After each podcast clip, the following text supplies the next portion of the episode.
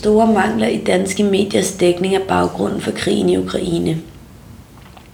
Lige nu er alle danske medier fyldt med reportager om krigens gro i Ukraine. Men den årlange optakt til krigen og baggrunden for den har ikke fyldt meget i mediebilledet, mener to eksperter, som arbejderen har talt med. De danske mediers dækning af konflikten mellem Ukraine og Rusland har været mangelfuld i de sidste otte års tid. De har ikke formået at formidle, hvad der var på spil, og har måske ikke interesseret sig nok for det, siger Asbjørn Slot Jørgensen, der er lektor på Danmarks Medie- og Journalisthøjskole. Han understreger samtidig, at uanset hvad der kan være af historiske forklaringer, kan det ikke retfærdiggøre Ruslands invasion i Ukraine. Der er endnu ikke lavet en videnskabelig analyse af danske mediers dækning af den nuværende krig og de seneste par års optakt til den – Asbjørn Slot Jørgensen påpeger derfor, at hans udtalelser baserer sig på egne iagttagelser i den aktuelle situation. Derudover har han indsigt i de store danske og nordiske mediers dækning af Rusland fra en undersøgelse, han var med til at lave for fire år siden.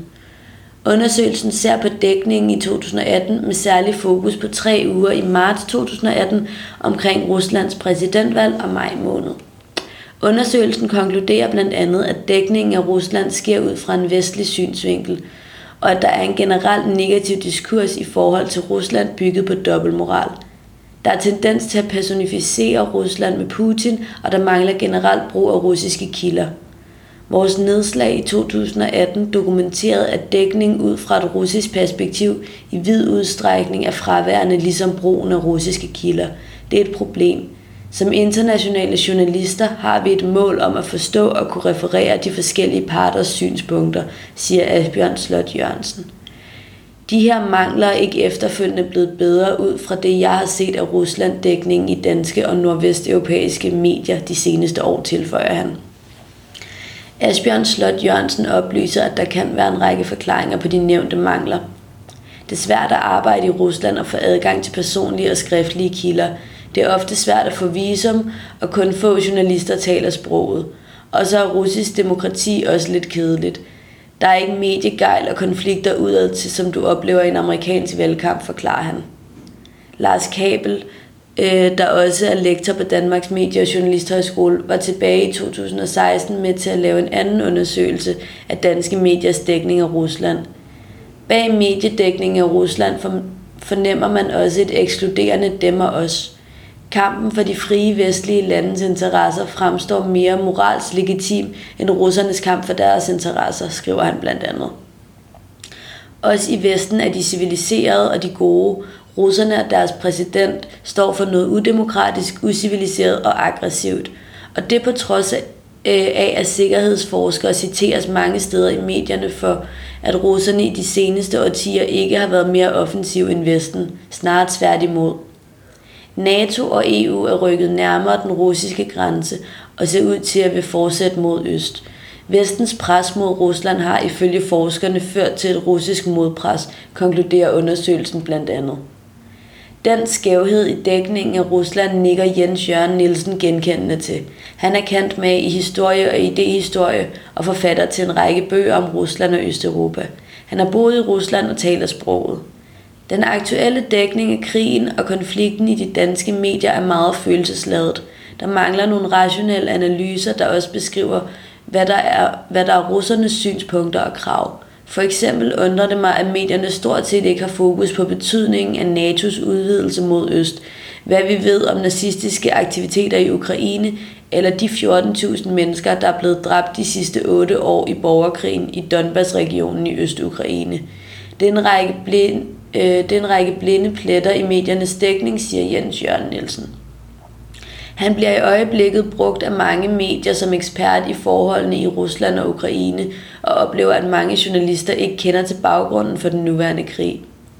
For nylig talte jeg med en journalist, der ikke vidste, hvad jeg mente, da han nævnte massakren i Odessa i Ukraine den 2. maj 2014.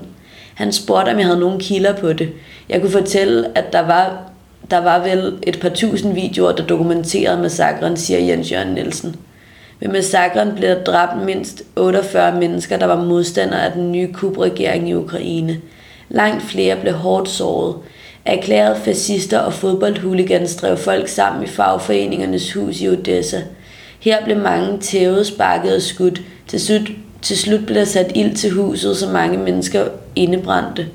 Vi ved, at det her skete, men det kendetegner mediernes dækning af konflikten, at de skriver om det, der passer ind i deres fortælling, mens vi ikke hører om det andet, som for eksempel den her massakre. Det betyder, at du ikke får et helt billede af situationen, og at det grundlag, politikerne tager deres beslutninger på, bliver skævt, siger Jens Jørgen Nielsen. Han savner også et fokus i de danske medier på mulighederne for en forhandlingsløsning. Vi står i en meget farlig konflikt med potentiale til at udvikle sig til en atomkrig. Der er ingen vej udenom et, udenom at arbejde for fred gennem en forhandlingsløsning. Et kedeligt gråt kompromis er bedre end en krig, men det er meget underspillet i de danske medier, mener forfatteren. Asbjørn Slot Jørgensen er enig i, at det ikke er konfliktløsning, mailing og forhandling, der i starten af krigen fylder i mediernes dækning af krigen. Men der er der noget fokus på, hvem der kan male i konflikten, påpeger han. Dækningen af selve krigen mener jeg har fået en forudsigelig god og super dækning i de danske medier. Det er en invasionskrig foretaget af en massiv militær overmagt. Den skal dækkes fra offrenes synspunkt og beskrive de mennesker, det går ud over. Medierne skal både vise det forfærdelige ved krigen og det smukke i form af f.eks. solidaritet og nødhjælp, siger Asbjørn Slot Jørgensen. Det er svært for medierne at komme hen, hvor det værste sker, fordi det er for farligt. Man kan dø. Derfor kan det være svært at få verificeret oplysninger. Men fejlhistorier præger generelt ikke de danske medier, tilføjer han. Jens Jørgen Nielsen har en lidt anderledes vurdering af mediernes dækning af krigen. Der er tale om en meget følelsesladet og partisk dækning til fordel for Ukraine. Selvfølgelig skal medierne dække de lidelser, der er en konsekvens af krigen. Det er ganske forfærdeligt, det som sker. Men mange medier videregiver ukritisk historier, der ikke holder på sigt, siger Jens Jørgen Nielsen. Han nævner fortællingen om Slangeøen som et konkret eksempel på den tendens. Mange danske og andre vestlige medier har fortalt om de tabre ukrainske grænsevagter på den strategisk vigtige ø, der nægtede at overgive sig og derfor blev dræbt af de russiske styrker. Den ukrainske præsident Zelensky har hyldet grænsevagterne, der døde heroisk uden at give op, og sagt, at de posthumat vil få titlen Held af Ukraine.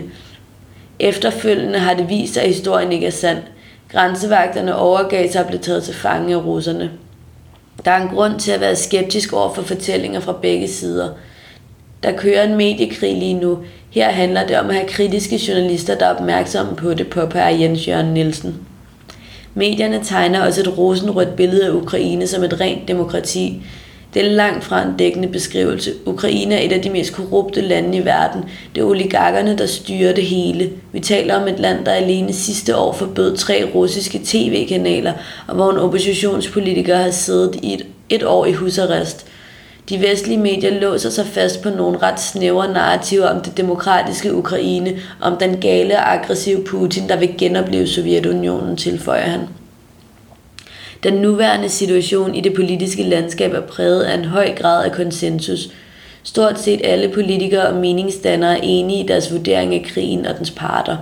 I den situation bliver mediedækningen desværre også præget af konsensus, ligesom i starten af coronapandemien.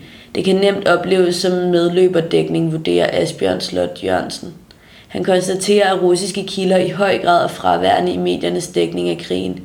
Her tænker jeg ikke alene på Kreml, men også på russiske analytikere og eksperter. Hvis man skal arbejde på at prøve at forstå det, kræver det, at man taler med de forskellige sider og får forskellige perspektiver. Det kunne for eksempel være relevant at se på, hvorfor der er så stor opbakning til Putin og de andre magthavere i Rusland, forklarer lektoren. Jens Jørgen Nielsen mener, at de danske mediers dækning af krigen er beregnet på at sikre opbakning i befolkningen til den givende politik og sanktionerne. Medierne fremstiller sanktioner som et mildt redskab, der kun rammer Putin og de russiske oligarker. Det er ikke rigtigt. Sanktioner er en krigshandling, der historisk set ofte har ført til egentlig krig. Jeg forstår ikke, at medierne ikke går mere kritisk til værks i dækningen af sanktioner og ser på, om det er løsningen i den her situation, siger han. Sanktioner vil føre til prisstigninger. I landene i Mellemøsten og Afrika kan det betyde hungersnød, nye flygtningestrømme, politisk ustabilitet og terrorisme. Hele verden bliver mere ustabil, men Putin vil sandsynligvis blive mere populær øh, blandt russerne, mens Vesten vil blive mere upopulær, fortsætter Jens Jørgen Nielsen. Begge de to eksperter er dybt bekymrede over krigens konsekvenser for journalisters arbejdsvilkår og ytringsfriheden.